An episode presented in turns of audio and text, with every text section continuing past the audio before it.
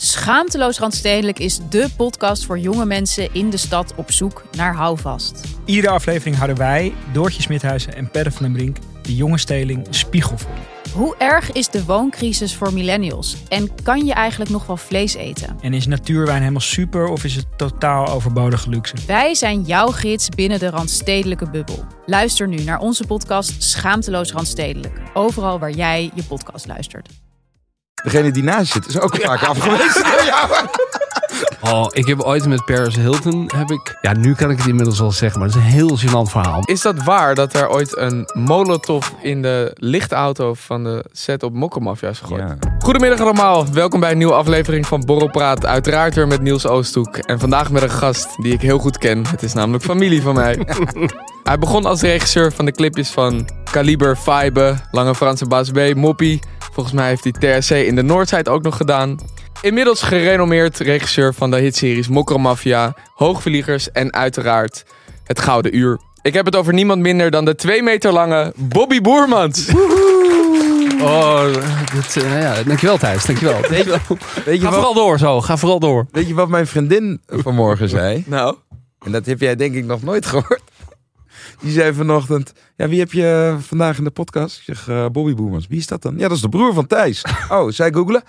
Oh, maar die vind ik knap. Ja, die vind ik knapper dan Thijs. Mijn vriendin, eh, ja, die valt voor je. ik zal je zeggen, wie is jouw vriendin? Ja, nou, dat houden we even achterwege. ik zal je zeggen, elke keer als ik in, eh, in een samenstelling ben met andere mensen en de, mijn achternaam wordt genoemd, gaat het nooit over mij, maar altijd over of Bob of mijn vader. Ja. En ik krijg nooit te horen van, oh wat leuk dat jij dit zelf doet, of dat je acteert, dit, dat, zo, zo. Bij mij is het nu andersom. Eh, Ik hoor nu vooral over Thijs. Eh, Is dat zo? Ja, Ja. ja, zeker, zeker, zeker. Over zijn expeditie. Ja, eh, expeditie. en- borrelpraat natuurlijk. Ja, borrelpraat, inderdaad. Over borrelpraat gesproken. Ik denk dat jij misschien wel de minst geschikte kandidaat bent. Dankjewel, dankjewel. Om in, deze, om in deze podcast te komen. Want Bobby, die drinkt niet. Nee, Nee, dat klopt. Maar wat Bobby wel doet, is het licht uit. Ja. Dat Die klopt. doet het licht uit als allerlaatste op elk feestje waar die is geweest. En je moet me toch echt even gaan uitleggen hoe dat nou kan. Ja. Eh, ja, nee, ik heb, ik heb gewoon nooit gehad, zeg maar, dat ik eh suipen, zeg maar, als je 16 bent, zodat je mee moet suipen. Zeg Ja. dat, heb ik nooit, eh, dat heb ik nooit gehad. Ik vond mezelf wel heel cool van mezelf. Oh, wauw. Dus nee, je hebt toch die soort van onzekere fase dat je dan mee moet gaan zuipen, zeg maar. Ja. Dat heb ik nooit gehad. Dus ik vond mezelf wel heel cool. En later merkte ik eigenlijk dat ik daar heel goed gebruik van kon maken. Als ik dan op feestjes of in kan of ergens eh, soort van laat. Je weet toch dat als het vier uur s'nachts wordt, dan gaan mensen hun je diepste geheimen vertellen. Ja. En Hij weet op alle En op die manier weet ik alles van de Nederlandse filmindustrie. Dat is Ja. netwerk op een ander niveau. Ja, ja, ja. Heel ander niveau. Zeg maar. Alle distributeurs, alle producenten, alle acteurs, alle geheimen komen in die grote box bij mij terecht. Maar je moet er wel een hoop voor opgeven. Ik bedoel, je oren worden ondergespuugd. Ja, nee, Eh, dat is je krijgt waar, allemaal armen om Ja, je in dat de is nek waar. heen. Alleen maar kaakschaatsers. Ja, en het, is, en het is wel, zeg maar, hoe ouder je wordt, hoe lastiger het lichamelijk wordt ook. Zeg Ja. maar, ongeveer. Ik bedoel, ik ga nog steeds met thuis soms uit en zo. Op een gegeven moment kom je dan ook in een fase, ik ben 15 jaar ouder dan Thijs, dat je opeens met Thijs in de Jimmy Woo staat en denk je, ja, tering, dit is toch best wel schandalig.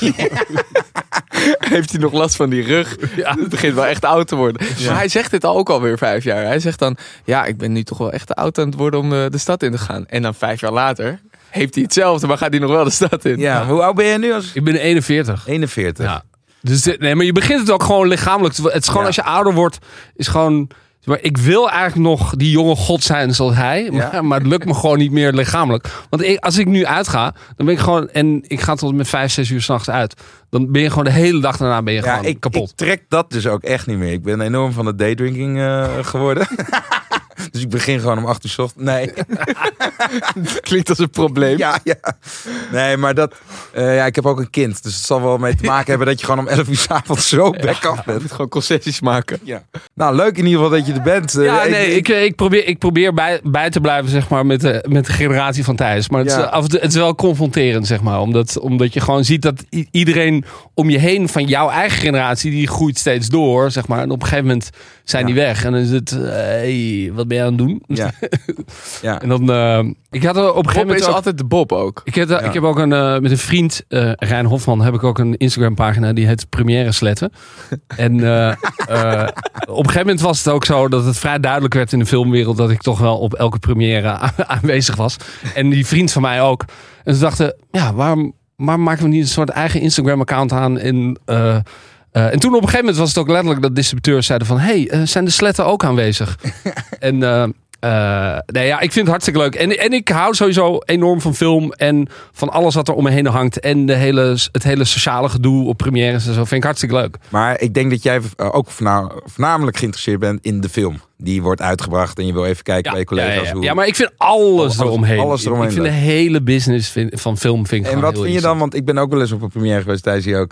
Eh, er zitten altijd van die types tussen. Dat ik denk, ja, jij komt echt op elke première. En Ja. eigenlijk gewoon, jij wil een rolletje, zeg maar. eh, Ja, nee, dat, toch? ik bedoel... Maar Dat die kun je er toch ook allemaal uitkiezen? Ja, maar die kan je ook al mijlen ver zie je die al tussen het publiek zie je die al aankomen. Ja, ja. Ja, ja, als, je op, als je op een ding staat, je scout ze soort van, dan sta je te praten met iemand en zie je al achter iemands rug, zie je al van, oh my god, oké, die hier komt naar jou ze. toe. Ja, ja, ja zeker. Hier komen ze. Hebben, hebben, we niet, eh, hebben jullie niet op een gegeven moment bij Mokromafia zoveel aanvragen gekregen dat jullie een nep-e-mail hebben gemaakt? Ja, we, Waar de aller, aller bizarste eh, pitches naartoe werden gestuurd, ja, het was crazy, jongen. Op een gegeven moment ontplofte je DM gewoon met echt rare shit. Soort van, op een gegeven moment kreeg ik ook van, hé, hey, ik kan crimineel worden of acteur.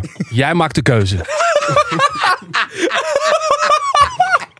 Het is toch te raar voor woorden? Ja. Het, eh, eh, en mensen die gewoon ook alle shit die in de serie zitten, voor alles wat acteurs doen, geloven zeg maar dat het waar. Die gewoon fictie en realiteit niet meer uit elkaar kunnen eh, Nee. halen. Nee. En, maar inderdaad, op première zie je het mijlen ver van elkaar. En, en dat is ook best wel lastig in mijn positie als regisseur.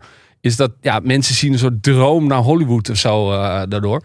En, ehm, ja, en die moet je dan, die moet je dan toch een soort van. Het is zo, zo kut, jongen. Omdat je gewoon. Je bent een soort makelaar in teleurstellingen. Omdat je iedereen. Ja, je hebt maar zoveel rollen en zo. En, ja, en het wordt ook gewoon gênant. Want mensen zoeken de hele tijd aandacht met je. En die moet je dan heel Ja. vriendelijk afwijzen. En wat ga je zeggen? Ja, eh, je bent slecht. Eh, of ja, eh, ik zie iets heel anders voor me. Eh, of fysiek zie ik een heel ander ding. Wat wil je horen? Ja, zeg maar maar hoe- Dus ja. het is gewoon altijd kut. Het is kut. Maar hoe, ja, precies. Je, hoe ga je nou goed een afwijzing verwoorden? Ja. Nou, ik heb daar wel een, een, een vraag over. Want, jij, bent, jij bent ooit afgewezen. nou, nou, nou degene die naast je zit is ook keer afgewezen door jou. Thijs, Thijs heeft een paar keer auditie gedaan. recall, ja. En mijn vraag is, waarom vind jij je eigen broer slecht? Niet, vind je dat, maar waarom? Nee, ik ben er helemaal geen Ik, als ik ze zo Ah, tel... Wacht even, hij heeft mij ook afgewezen. Hè? Inmiddels. Eindelijk, ja. Dat was heel persoonlijk werd het allemaal. Ja, vertel. Ehm, ja, ik heb volgens mij... Jij het maar even. Ik heb volgens mij twee keer heb ik bij hem geauditeerd. Ja. En twee keer kreeg ik... Ja, dat gaat hem toch niet worden. Kreeg ik wel een persoonlijk belletje. Dus Ja. niet een mail. Nou, dat Zo ben ik dan wel weer. kreeg ik een mail van... of- Zou, het zou wat zijn als Bobby me mailt. Zeg jij, toch niet geworden. Maar we hopen je te kunnen vragen voor, voor toekomstige projecten. Dat zou wel heel erg kut zijn. Ja. Nee, maar die, die, die belt mij dus en die zegt ja. eh Thijs, je luister. De samenstelling van de familie, dit, dat, ze zo. Het, het- het werkt gewoon niet helemaal. En dat kon ik altijd heel erg respecteren. Ik vond het altijd heel erg goed dat hij dat deed. Want eh, in tegenstelling tot wat misschien veel mensen denken. Als je Normaal uit- doet een casting director dat. ja, ja. Maar dat, in ieder geval, in tegenstelling tot wat misschien wordt gedacht, dat je voorgetrokken wordt als je, als je in film zit. Uiteindelijk doe je die auditie zelf. Dus kan je wel leuk ouders hebben of een broer hebben die films maakt. Maar uiteindelijk is hij niet de enige die daarover bepaalt. Sterker nog, ik denk dat ik nog kritischer naar hem ga kijken. Omdat ik hem ook zo goed ken. Ja. Want je wil er ook niet op afgerekend worden. Oh, Nee, en hij, hij- zit er alleen hij maar in. Nee, hij, is een hele goede, hij is een hele goede reden aan het bedenken om mij natuurlijk af te wijzen. In ieder geval, nou, dat is dus de eerste keer dat dat gebeurt. Vond ik, had ik heel veel respect voor. Tweede keer had ik ook nog. De derde keer had hij wat minder respect. Misschien nog wel wat meer respect voor. En toen zei hij, ja, en toen kwam die derde auditie eraan. En toen dacht ik wel, toen zei, heb ik op een gegeven moment, zat ik bij mezelf te denken, ja. Het zou wel wat zijn dat zij me nu weer gaat afwijzen. Ja. Dan begint het toch wel echt persoonlijk te worden. Maar- En dan moet ik daar elke keer als ik hem zie bij het etentje met papa, dan weet ik niet hoe leuk ik dat etentje nog ga vinden. Maar kan, je, kan, je, kan jij... Johnny Drama. Johnny Drama? De Johnny Drama van Entourage. Dat hij dan Vinnie Chases. Ja. Daar hebben we heel veel grappen over gemaakt. Maar toen kwam die derde auditie eraan. Ja. En toen, eh, eh, volgens mij heb jij, ja, dat is nog een project wat eraan komt. Ja. En dat was ook heel vet, want dat is in het buitenland gefilmd. En dat, dat, zou, eh, dat zou allemaal super met super veel actie zijn en zo. Ja. Had ik heel veel zin in. Eh, wou ik ook heel graag die rond. Toen heb ik uiteindelijk te horen gekregen, niet via hem, want hij heeft die call ook niet gemaakt. Voor de duidelijkheid. Van eh, je, je, je hebt die rol gekregen. we draaien dan en dan. Maar ja, dat waren, dat waren dezelfde tijden als dat wij naar Maleisië moesten voor expeditie. En toen heb ik hem gebeld.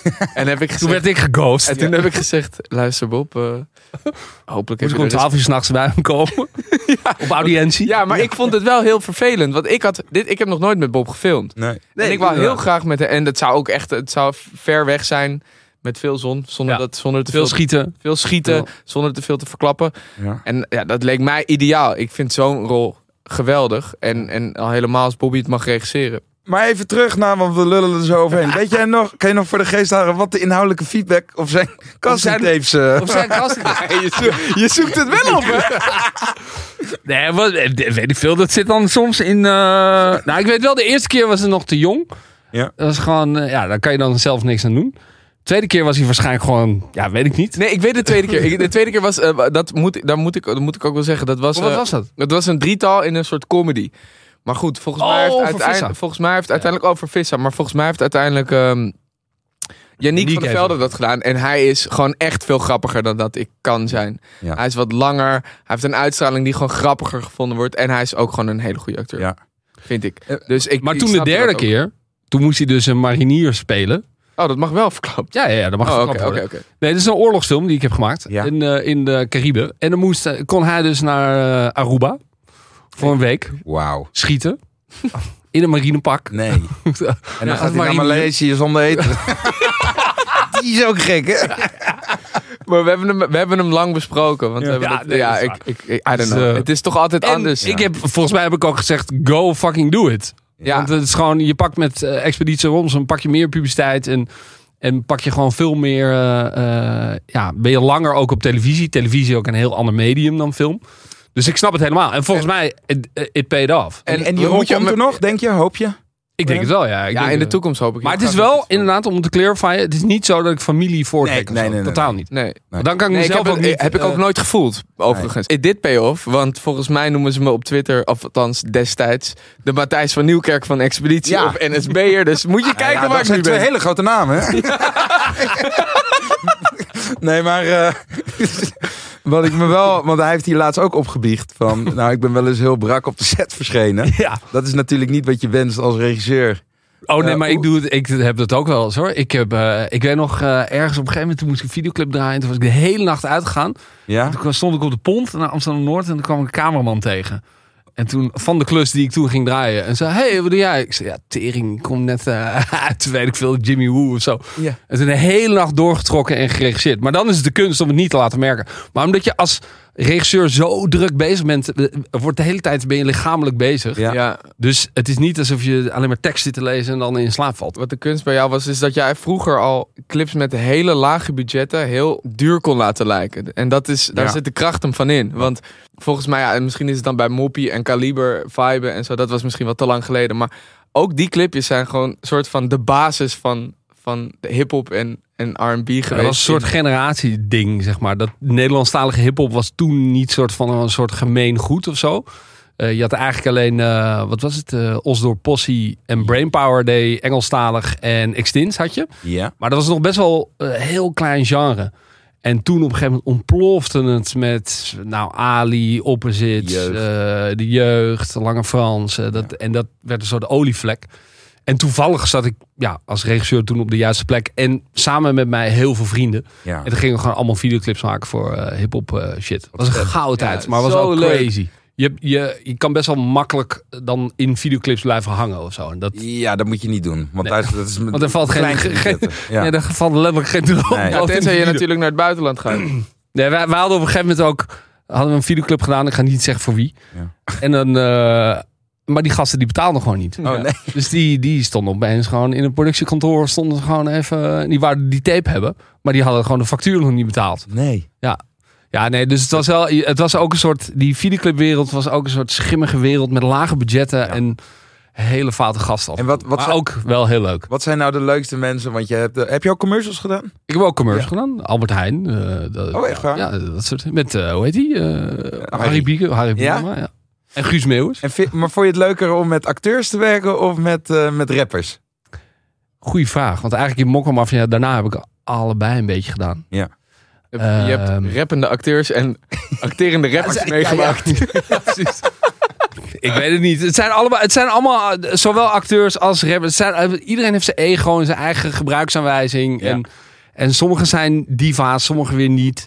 Ja, en vorige week hadden we het natuurlijk over Man Man Man, de podcast. De drie goede vrienden Bas, Chris en Domien.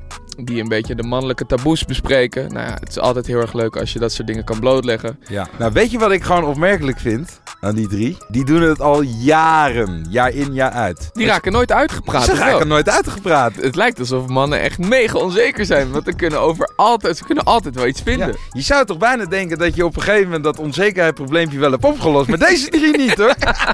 Nee, maar daarom blijft het natuurlijk wel heel leuk. Ik ben dan ook wel benieuwd of zij altijd, elke week, iets meemaken wat hun mannelijkheid aantast. Of Ja. Waarom, waarom vinden ze keer op keer iets waar een man dan onzeker over is? Dat is toch komisch? En ik denk ook dat het belangrijk is dat jongens dit soort dingen gewoon kunnen aankaarten. Ja. En dit kunnen bespreken. Want eh taboes onder mannen is best wel eh, een dingetje.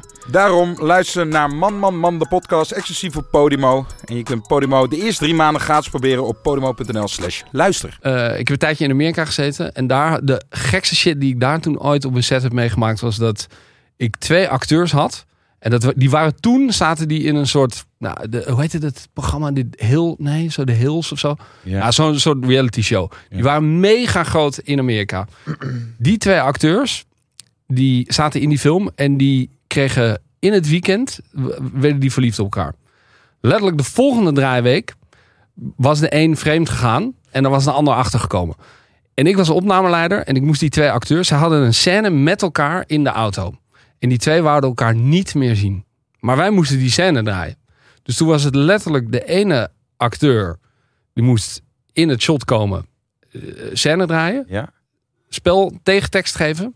Ander, die ging naar een hotel, andere acteur. En die hebben dus een scène gespeeld waar ze nooit bij elkaar zijn. Ja, Ongelooflijk. Ja, maar Ja. dat gebeurt toch wel eens vaker met hele grote celebrities... waarbij de draaischema's niet eh, te matchen zijn. Volgens mij, ze tegen een dummy... eh, tegen- volgens mij was Mar-. Marlon Brando, die liep gewoon, als hij, als Ja, hij zichzelf te dik vond, en daar deed hij geen broek aan. En dan, en dan wou hij alleen, want hij zorgde ervoor, hij zei, jongens, ik wil alleen maar dat jullie me vanaf mijn middel filmen.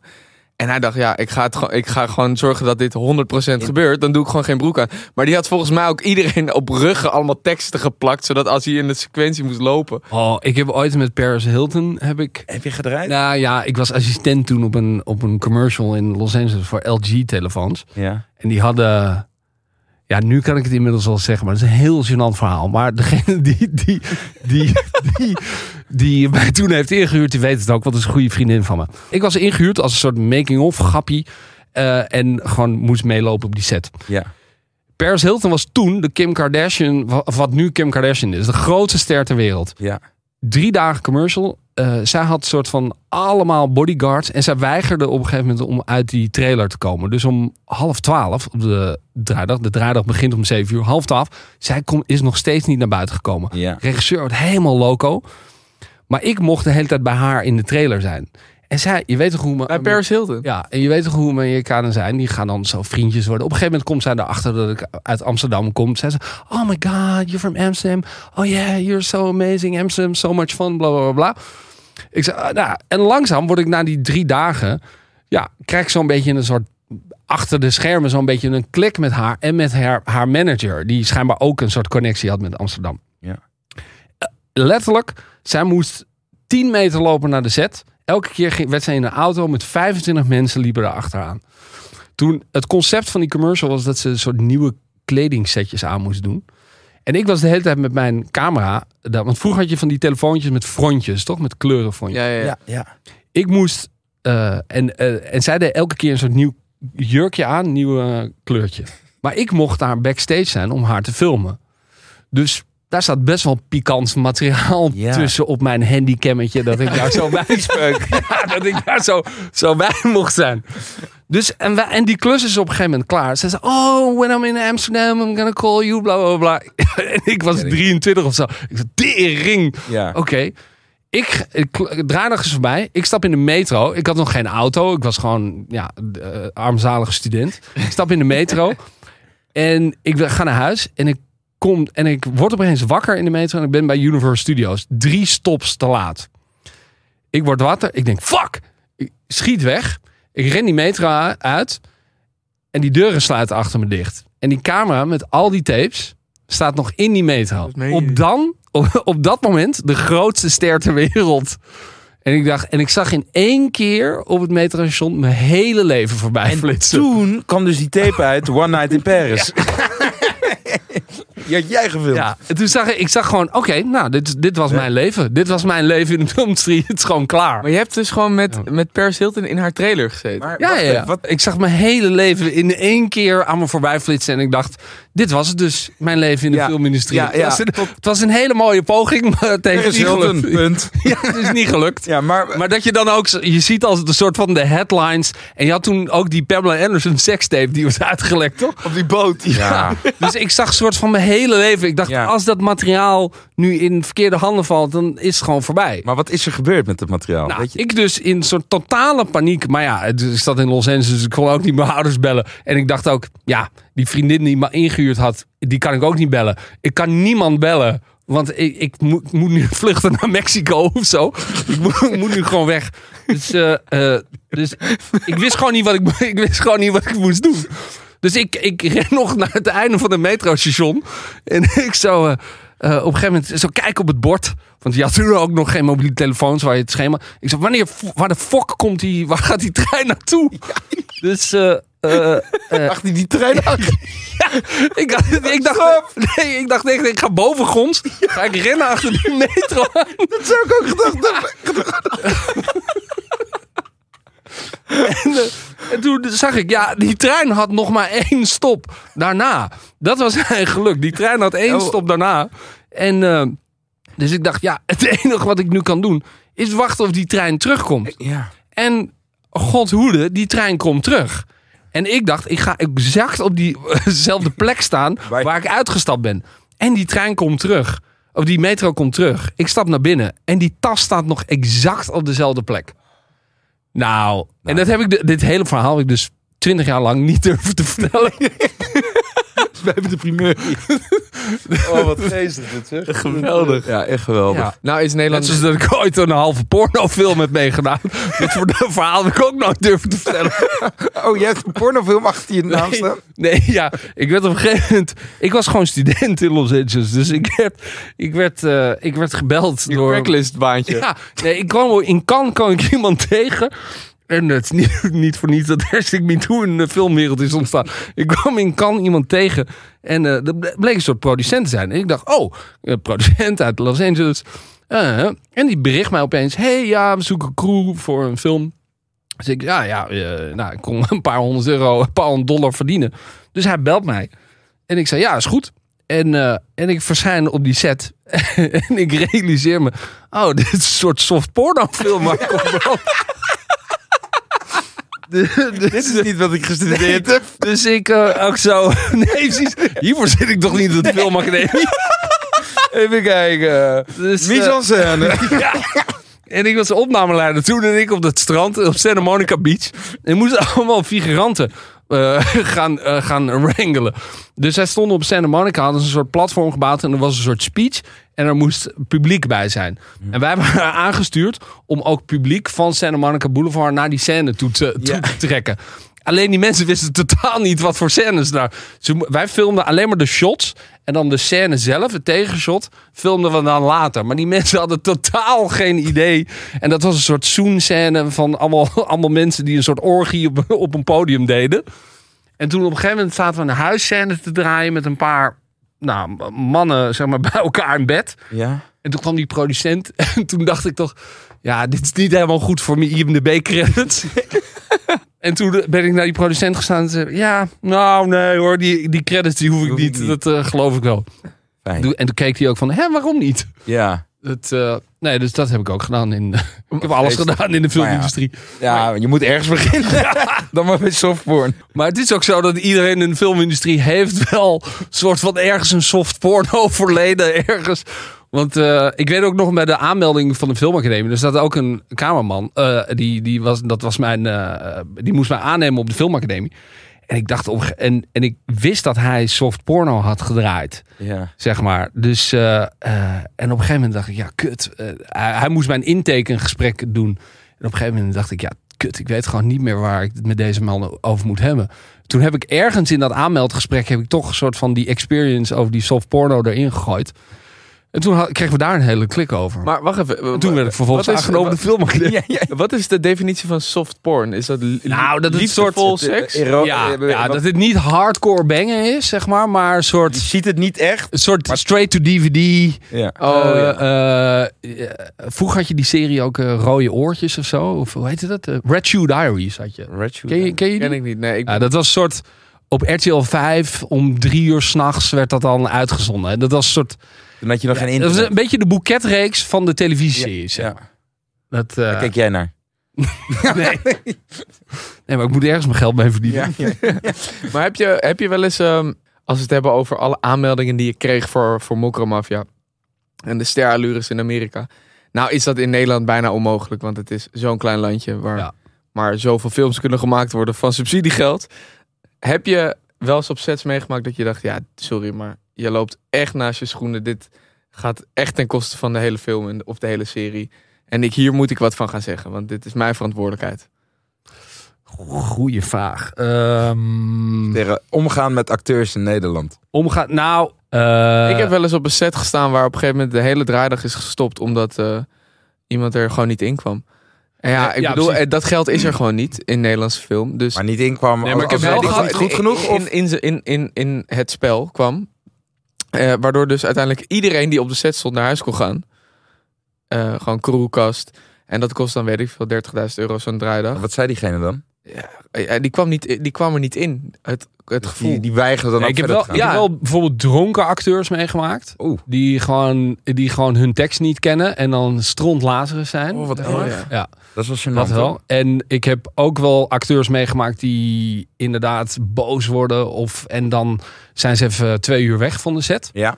Eh, dat, dat heb ik wel meegemaakt. Maar ik heb nooit eh, dat een hele set stil wordt gelegd eh, omwege een acteur. Nee, dat zijn meestal soort situaties buiten de controle van een acteur. Ja. Wat ik nu lastig vind in, in deze eh, tijd van social media en dat soort dingen, is dat je meer buiten de set om zeg maar benaderd wordt, omdat iedereen je natuurlijk weet te vinden via DM en dat soort dingen.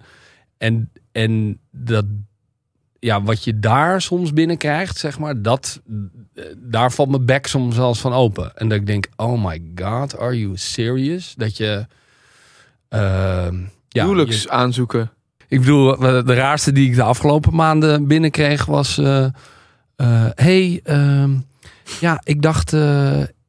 misschien moeten we eens samen wandelen in het Amsterdamse bos. Dan kan ik je laten zien wat ik kan. je denkt, sorry, wat? ja, nee, precies.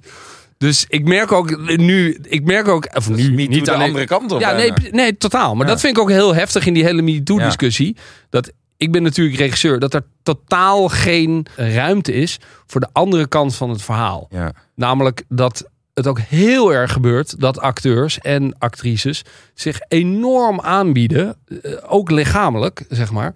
En dat je... Ja, ik kijk het ook allemaal niet. Ik open het ook allemaal niet. Want het is Nee. godschuwelijk gevaarlijk. Omdat ze je gewoon in een soort val proberen te lokken. Ja. Weet je wel? En dat... dat en ik vind het best heftig dat in dat hele hashtag MeToo discussie... dat daar nul aandacht voor is. Nee.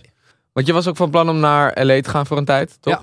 Misschien heb je een te grote, niet fantasie, maar ideeën over hoe je films wil maken. En die kunnen misschien hier niet gemaakt worden. Puur omdat het Budget niet eh, gewoon niet, niet haalbaar is. En ik heb je ook wel eens horen praten over dat je soms best eh in mineur bent over hoe sommige scènes moeten geschrapt worden. Of over hoe je soms maar, maar, maar 75% van je idee kan, kan brengen naar de kijker. Omdat er gewoon niet genoeg geld is. Is dat dan ook echt de reden waarom je denkt in Amerika kan ik pas echt... Nou, mijn- het is meer, als je meer geld hebt, leer je als regisseur ook meer. Het is in de, ja, op een gegeven moment zit je gewoon Ja, dat klinkt nu zo heel arrogant of zo, Ja, maar... Ja, ja, ja. En zo bedoel ik het niet, maar ik heb, ik heb nu best wel wat series gedaan. En op een gegeven moment dan eh, wordt het een soort herhalingsoefening. Zeg maar. Ja. Of dan sta je letterlijk weer dezelfde car crash en dezelfde car flip te doen op dat kruispunt bij de arena. Omdat dat de enige plek is waar het kan in Nederland. En omdat daar de vergunningen mogen, zeg maar. Dus in het buitenland heb je gewoon meer geld. En waar begin je dan? Ik denk er naartoe gaan.